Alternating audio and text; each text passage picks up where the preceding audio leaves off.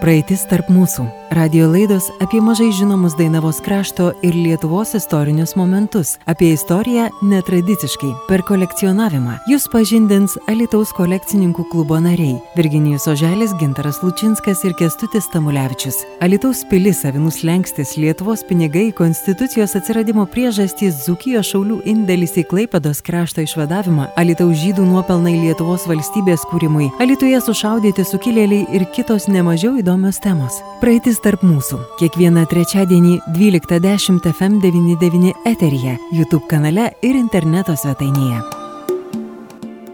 Labadiena, gerbimi klausytojai.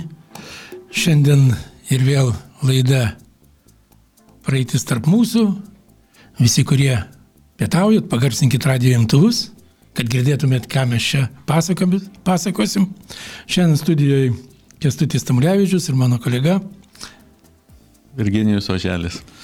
Šiandien šnektelsim apie vakar Konstitucijos dienos minėjimą, o taip pat pratesim, pasirodo, sudominusią temą apie pulkininką Hotkevičių.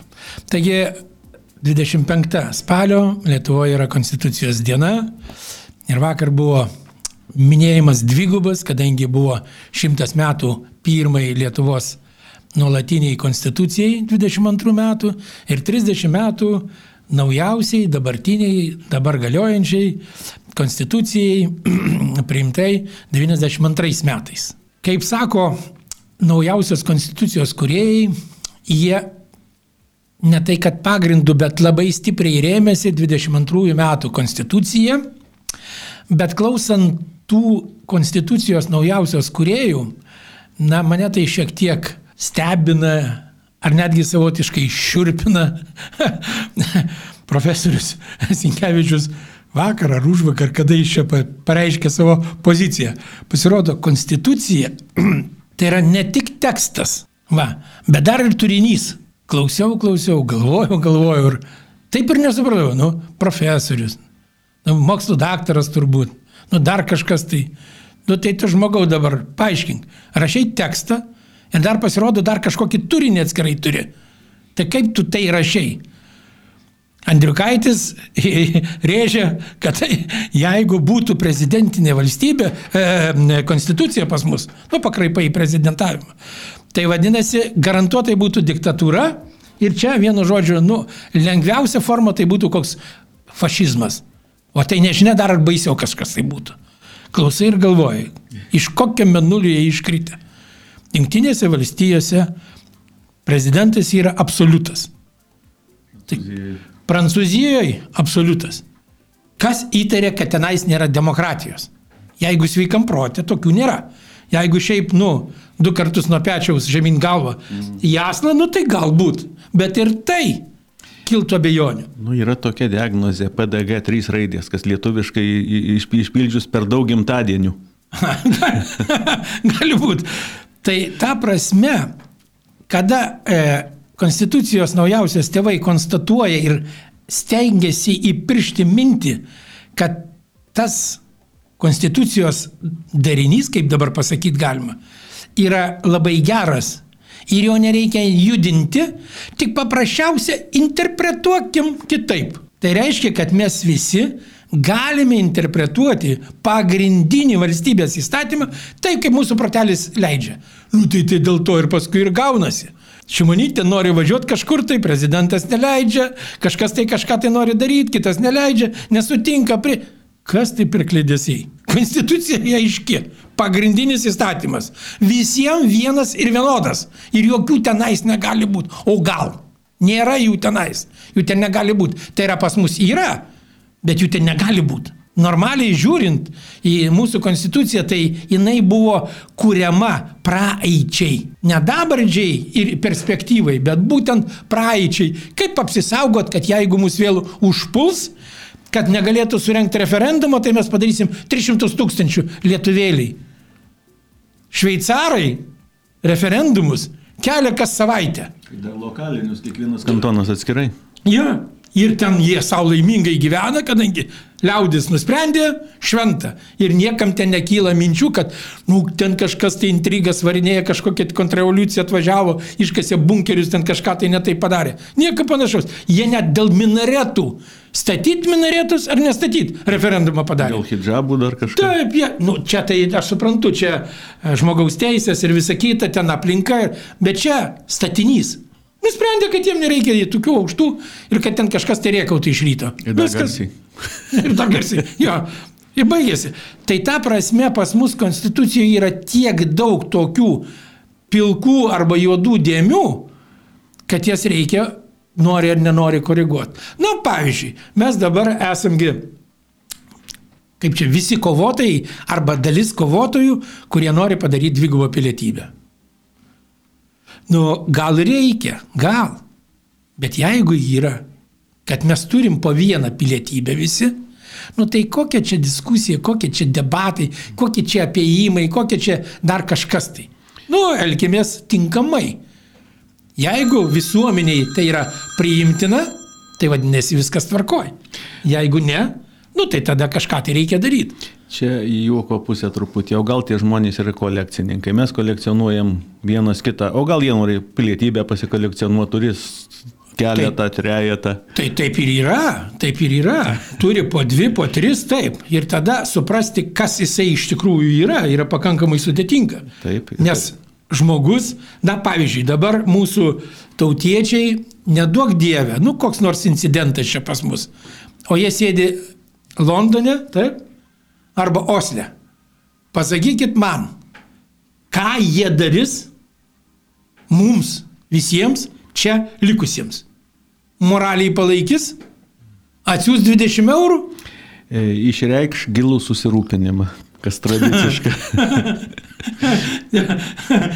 maždaug su ta intencija, kad jūs ten tvarkykitės, mes paskui atvažiuosim ir pasakysim, mes jūs labai mylim, mes jūs labai palaikom.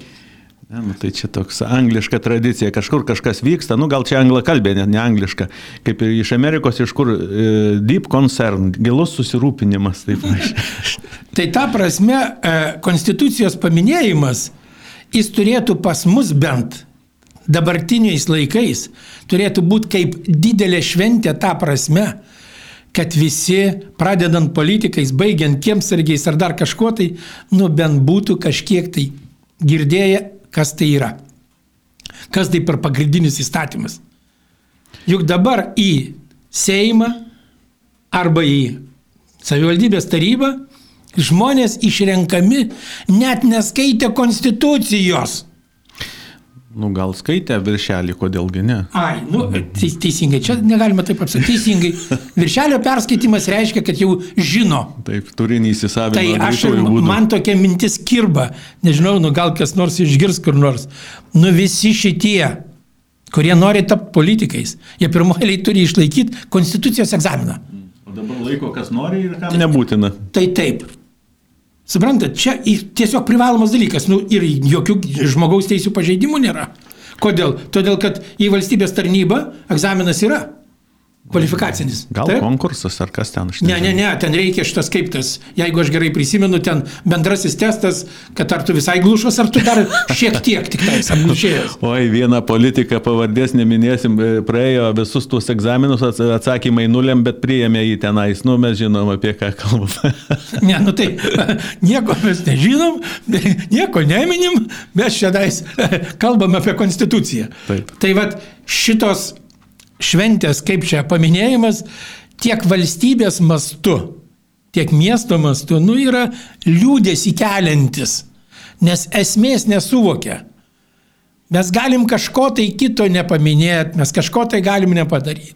Bet šita mums dabar yra labai aktualu, labai svarbu, kadangi mes dar, kaip demokratija, nu tai ten, nu dar žali visai nedakepę. Tai mums to reikia. Tai čia tokia kalbelė apie Konstitucijos dienos paminėjimą, gal kam ten ne visai tinka, čia iš karto, kaip Liūdas mėgsta sakyti, subjektyvi asmeninė nuomonė. Jis gali būti nepriimtina. Viskas. Nu, dabar e, grįžkime prie to, ką praeitą kartą šiek tiek kalbėjome, tai yra apie pulkininką Aleksandrą Hotkevičių, tai aš šiokią tokią tar priminimą padarysiu, kad Napoleonas jį ten paskyrė to lietuviškojo pulko vadu, 18 pulko, tai kad nesigautų taip, kad jis vienintelis tuo metu buvo Lietuvos toksai patriotas. Buvo ir daugiau. Tai aš va čia irgi prisigraibiau išminties, kad e, buvo dar paskirti ir kiti žinomi Lietuvo žmonės. Tai e, pulkininkais Napoleonas paskyrė Konstantin, be Hotkevičios Aleksandro. Konstantiną Tyzenhauzą, Adono Bišpingį, Karolį Pšasdetskį, Stanislavą Čiapskį. Tai čia pėstininkai, čia pėstininkijos vadai. Dabar e, kavalerijos pulkininkais buvo Mykolas Tiš, Tiškevičius, Juozapas Vavžetskis, Konstantinas Rejatskis ir Ksaveras Obucho, Obuchovičius. Tai reiškia, kad ne vien tik tais vienas Aleksandras Hotkevičius e, aukojosi ir aukojo mūsų valstybei, bet ir kiti, nu, tie, pasakykime taip, žinomi arba pakankamai žinomi istorijai Lietuvos žmonės. Tai e, tokių galbūt būta ir daugiau, bet jie, nu, gal menkesniam lygyje buvo, dėl to mes kaip ir nelabai ten viską žinom. Bet iš principo tai buvo patriotiškas patriotizmo apra, apraiška. E, dabar galbūt daugiau tos e, platesnės techninės e, informacijos, nu, nuo ko viskas prasidėjo. Kad, kai Napoleonas užėmė dabartinės jau Lietuvos teritoriją, buvo suformuota Lietuvos laikinosios vyriausybės komisija. Buvo keturi departamentai - Vilnius, Minskas, Gardinas ir Balstogė. Ir, ir ta kariuomenė buvo nu, nu, nuspręsta kurti tik tai Liepos mėnesį, nu aišku, birželį ten mėnesis kažkur pradėlsta ir ne, iš pradžių tie pulkai norėjo, turėjo būti formuoti kaip vietiniai, kad pakeistų prancūzų pulkus, kurie ten vykdė tas funkcijas ir policinės, nes ten dezertyrai, plėšimai, visokie kitokie galai, kad jie galėtų atsilaisvinti į, į, į karą, o šitie vietiniai palaikytų tvarką. Ir perspektyvoje, kada jie bus pilnai suformuoti formuoti, jie galimai galėjo būti pagal jau tą tolimesnį planą siūsti į Ukrainą. Podolę Volinę irgi užokupuoti, kadangi ten nu, ėjo tokia siaura fronto linija link Maskvos. O ten flanguose į Peterburgo pusę iki Dauguvos, ten prūsai kažkiek dengė tą flangą, o pietuose austrai kažką bandė daryti labai mažom pajėgom, bet jie, nu, vienu žodžiu, nebuvo patikimi sąjungininkai. Nu, iš priešų padaryti sąjungininką, jį nugalėk, paskui priversk save kariauti. Nu, patikimumas, aišku, aukštas kabutėse. Tai Liepos 13 812 metų Napoleono dekretų buvo nuspręsta penkis pėstininkų pulkus sukurti Lietuvos šituose keturiuose departamentuose, keturis kavalerijos, Nu ir branduolys to pradžios tos visos kariuomenės pagal projektą 15 tūkstančių žmonių. E, vadai turėjo būti žinomi, turtingi, nu, autoritetingi tam taip. Karinės kompetencijos iš jų reikalaujama nebuvo daugiausiai nulis. Nu, mūsų grafas Aleksandras, jis 18 metų būdamas dalyvavo Kostiuško sukilime. Nu, nežinau, tas sukilimas trūko ten apie metus ir 18 metis kažką patirties karinės, nu, galėjo Nu, be, be įsilavinimo karinio, bet ta patirtis, nu, galėjo kažkokia būti epizodiška. E, Nu tai jis daugiau buvo uh, rašytojas, ar kaip čia pasakyti, nu, daug, daugia funkcinis žmogus. Taip, taip, taip, taip, taip. Nu ir pagal nuostatus e, tuo metu Varšuvos kunigaikštystės kariuomenė, kuri kopijavo tiesiogiai prancūzų armijos, pėstininkų pulke pagal nuostatus turėjo būti 42 karininkai ir 2010 kareivių ir puskarininkių. E, pulkas e, toks, nu, pagal vėl, pagal tą nuostatus į tris batalionus e, skirstomas, po, vienam batalionė po šešias kuopas. E, viskas e, susidūrė su finansiniam problemam. Nebereikalo tie didieji grafai ten ir didikai buvo skirti pulkų vadais, e, dauguma be karinės kompetencijos su ta intencija, kad jie savo asmeniniam lėšom tą formavimą finansuos. Ir, ir... Virginijau, bet tuo metu daugumo, daugumoje kariuomenių tai būdavo ne tik tai čia, kad be kompetencijos, bet jeigu tu esi iš tam tikro luomo, tam tikrų pažinčių turėdamas, tu Turėtų, galėdavai gauti. Turėt, taip, ne, Nu, tai taip. Tada tu turė, galėdavai gauti kažkokį tai ten tą kariškio ar karininko, kaip jų ten pavadinti, laipsnį. O patentą nusipirkdavo tiesiog. Taip. Čia kaip kažkada tai bažnyčia pardavinėjo Indulgencijas. indulgencijas. Nu, vat, kažkas panašaus. Nu tai kaip Austrijos imperatorius pardavinėjo titulus, tu atitinkamai pamal- pamaloniniai tu grafas, biski riebiau, tai tu jau kunigaikštis. Nu, Mes jau nenagrinėsime Ne, ne, apie šių ne. dienų grafus, ne? Ne, ne, ne, čia, čia, čia, čia senieji laikai, čia nuo 16 amžiaus, aš į šias dienas jau tikrai ne, nesipulsiu.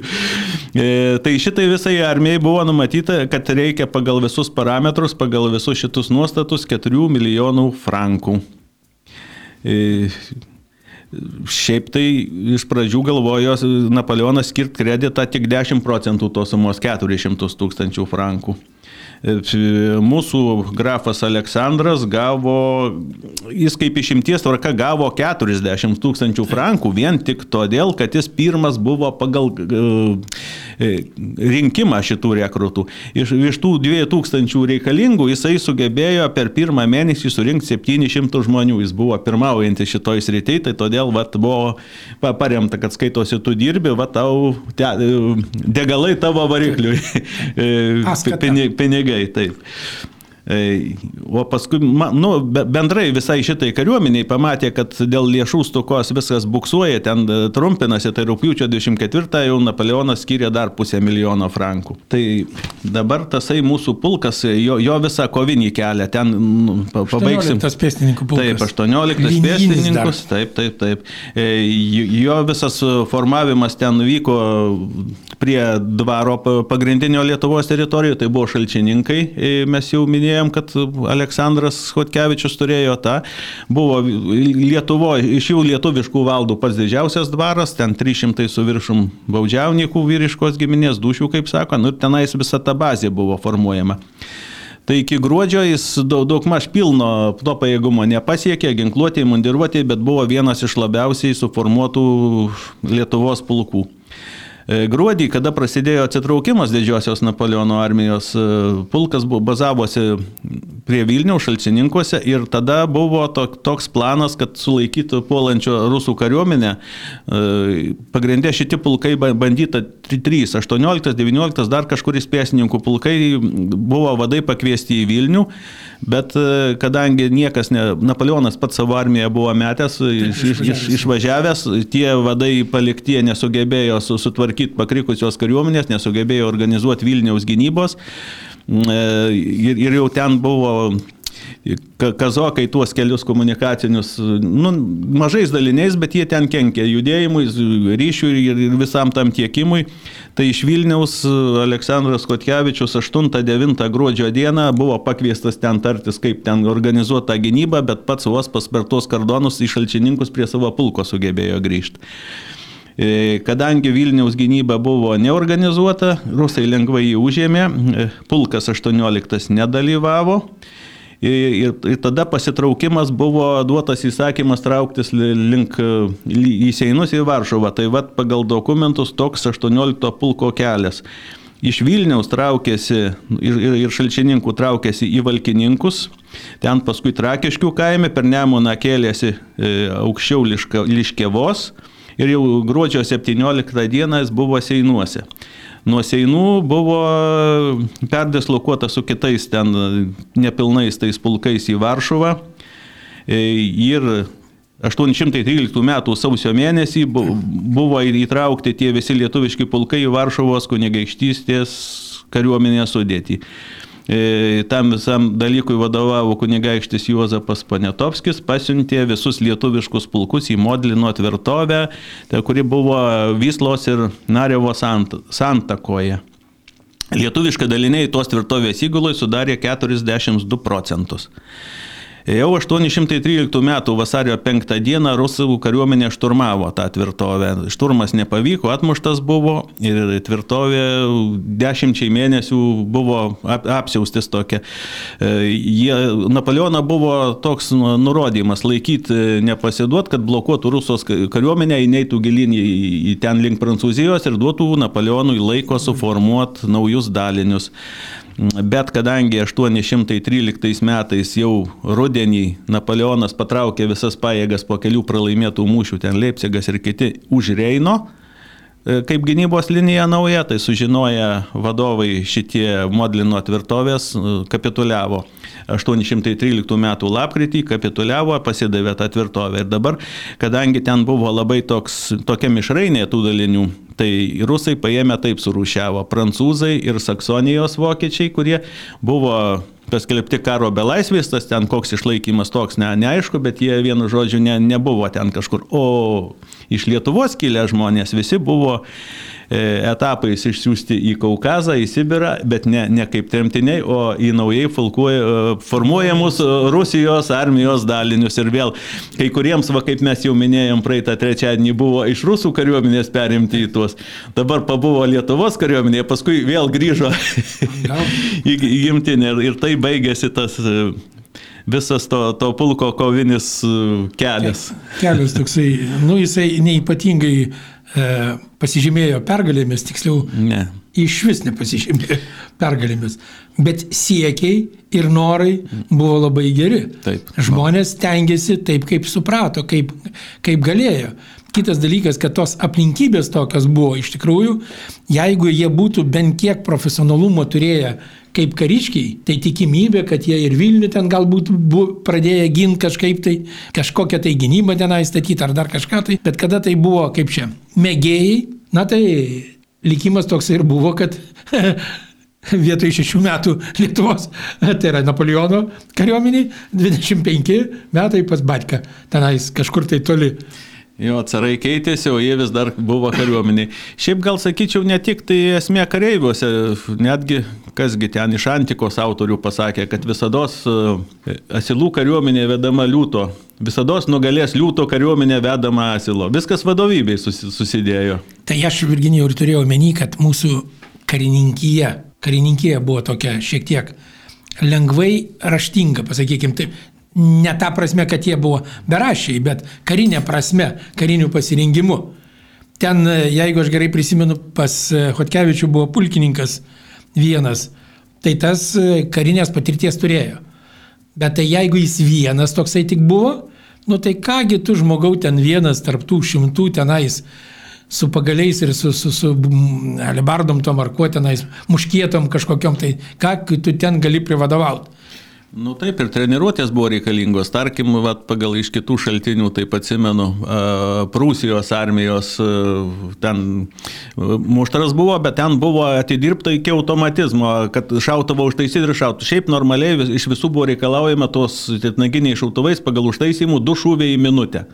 Nu, vėl, vėl ten supili paraką, ten, ten kaikšti, ten kulka, ten vėl pla, pla, pla, ir vėl šompalą kažkodėl įstatyti, vėl po šautų iš, iššauti, vėl šompalą iš, ištraukti, vėl pili. O prūsų armija tai buvo išmuštruota, kad padarydavo tris šūvius į minutę. Aišku, taiklumas lygiavamčių šautuvų ten buvo labai menkas, bet tas kulkų lietus kažkaip stabdydavo tą visą. Taigi mūsų iškiai, aš nežinau, be, be rimtų treniruočių, ar jie ten sugebėdavo vieną šūvį į minutę padaryti. Na, bet nu, vėlgi tą patį kartoju, norai buvo labai geri. Tai vat šitas istorinės asmenybės toksai pažinimas mums parodo paprastą dalyką, kad galima daryti daug nekalbant. Taip. Nes kada daug žmonės kalba, kad mes ten, na, vad kaip ir minėtas sus, e, sukilimas Kostiuškos, ten daugiau buvo tokios kalbos, nu, ten buvo kažkokiu tai veiksmų, bet ten daug tokio, kaip čia, pasikalbėjimo šurmulio. Taip, ir, ir vienybės nebuvo, buvo skirtingos nuomonės, tarkim, pagrindiniai ten buvo mm, dvi priešininkų, sąlyginai vadino raudonaisiais ir baltaisiais. Baltieji skaitydavo, nu, kad nereikia e, traukti visos visuomenės į tą, turi kovoti tik profesionali kariuomenė. Ir mes atsimename iš ankstesnių mūsų pokalbių, kad ta kariuomenė buvo nu, visiškai neparuošta. Pulkai buvo įskaidyti po keliolika žmonių po, po kaimus, bendrų pratybų net reikiuotės negalėjo įvykti. Ir, ir ta turėjo didelėms masinėms e, Rusijos, Prūsijos, Austrijos kariuomenėms priešintis tą pusiau profesionaliai, aš sakyčiau. E, o... Tos kariuomenės buvo dydžių labai didelės. Taip, ir profesionalumas. Taip, ir pas taip. Rusijos kariuomenė ten ma, turėjo daug konfliktų su turkais tais, tais laikais, kuri, kuri kariuomenė jau apšaudyta jau su patyrimo, kurie vien tik tai iš poligonų, nu kaip ir šiais laikais tas pats. Ja, šį...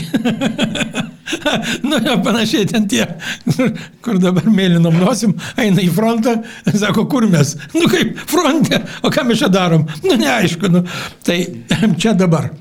Ten gal tada taip nebuvo, bet iš, iš, iš principo tikrai, tai žmonės, vat, kurie minėti šiandien, jie iš tikrųjų daug darė, kad tas mūsų lietuviškas valstybingumas, kad Lietuva kaip po tokia neišnyktų, kad jinai būtų.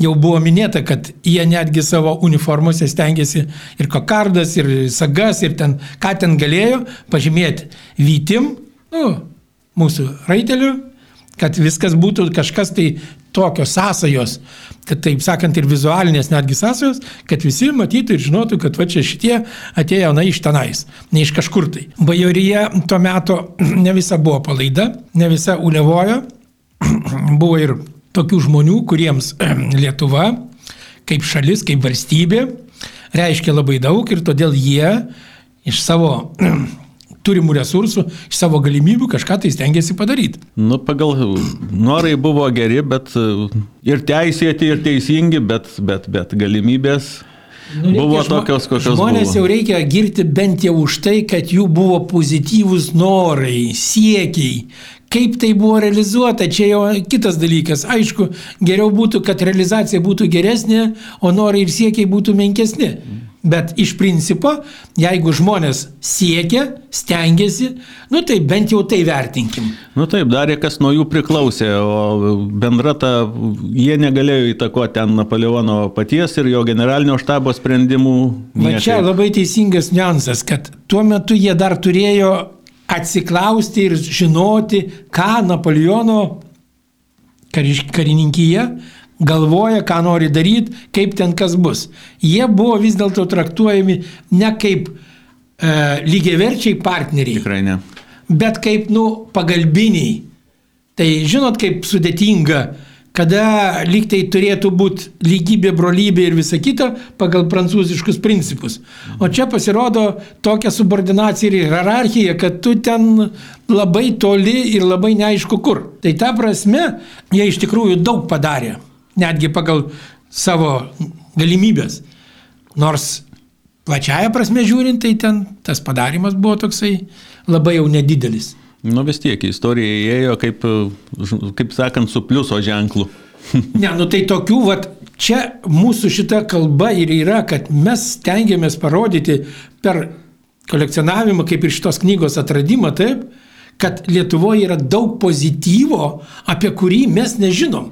Taip. Kuris iš tikrųjų yra vertas pagarbos, dėmesio, studijų ir taip toliau kad mes turėtume ko didžiuotis, nes, kaip aš visą laiką sakau, nu kiek galima mes kalbėti apie tai, kad Vytautas su arkliais Jodo jūroje buvo, nu kiekgi galima, jau vargšai tie arkliai ir gaila to Vytauto. Vandenį sūrų gerti. Taip, taip, nu, tai ten girdėtos kankino gyvulius. Nu kam? Yragi, vat, yragi apie ką kalbėti. Ir arčiau mūsų laikų. Taip, ne, netgi paimkim ir tą pačią 91 metų konstituciją. Pasidėkim ant stalo ir paskaitykim, kas ten parašyta. Tai prancūzaigi žiūrėjo ir rašė savo, nors tiesa, prancūzai iki 800 metų, e, ket, taip, keturis kartus pakeitė konstitucijas, nes ten vieniem rašytojam nukerta galvas, kiti parašo ir jie ten savo kapoja galvas. Tai jie, šiaip jau vieną kartą bandžiau paskaičiuoti, kiek jie ten konstitucijų, tai dabar, jeigu aš gerai prisimenu, tai yra šeštoji ir septintoji respublika. O Respublikoje ten galėjo būti po kelias konstitucijos. Tai ten, nu, ten jie ten rašo ir rašo, nu, žmonės nu, be skrupulų. Nu, netingi, teisingai, be skrupulų.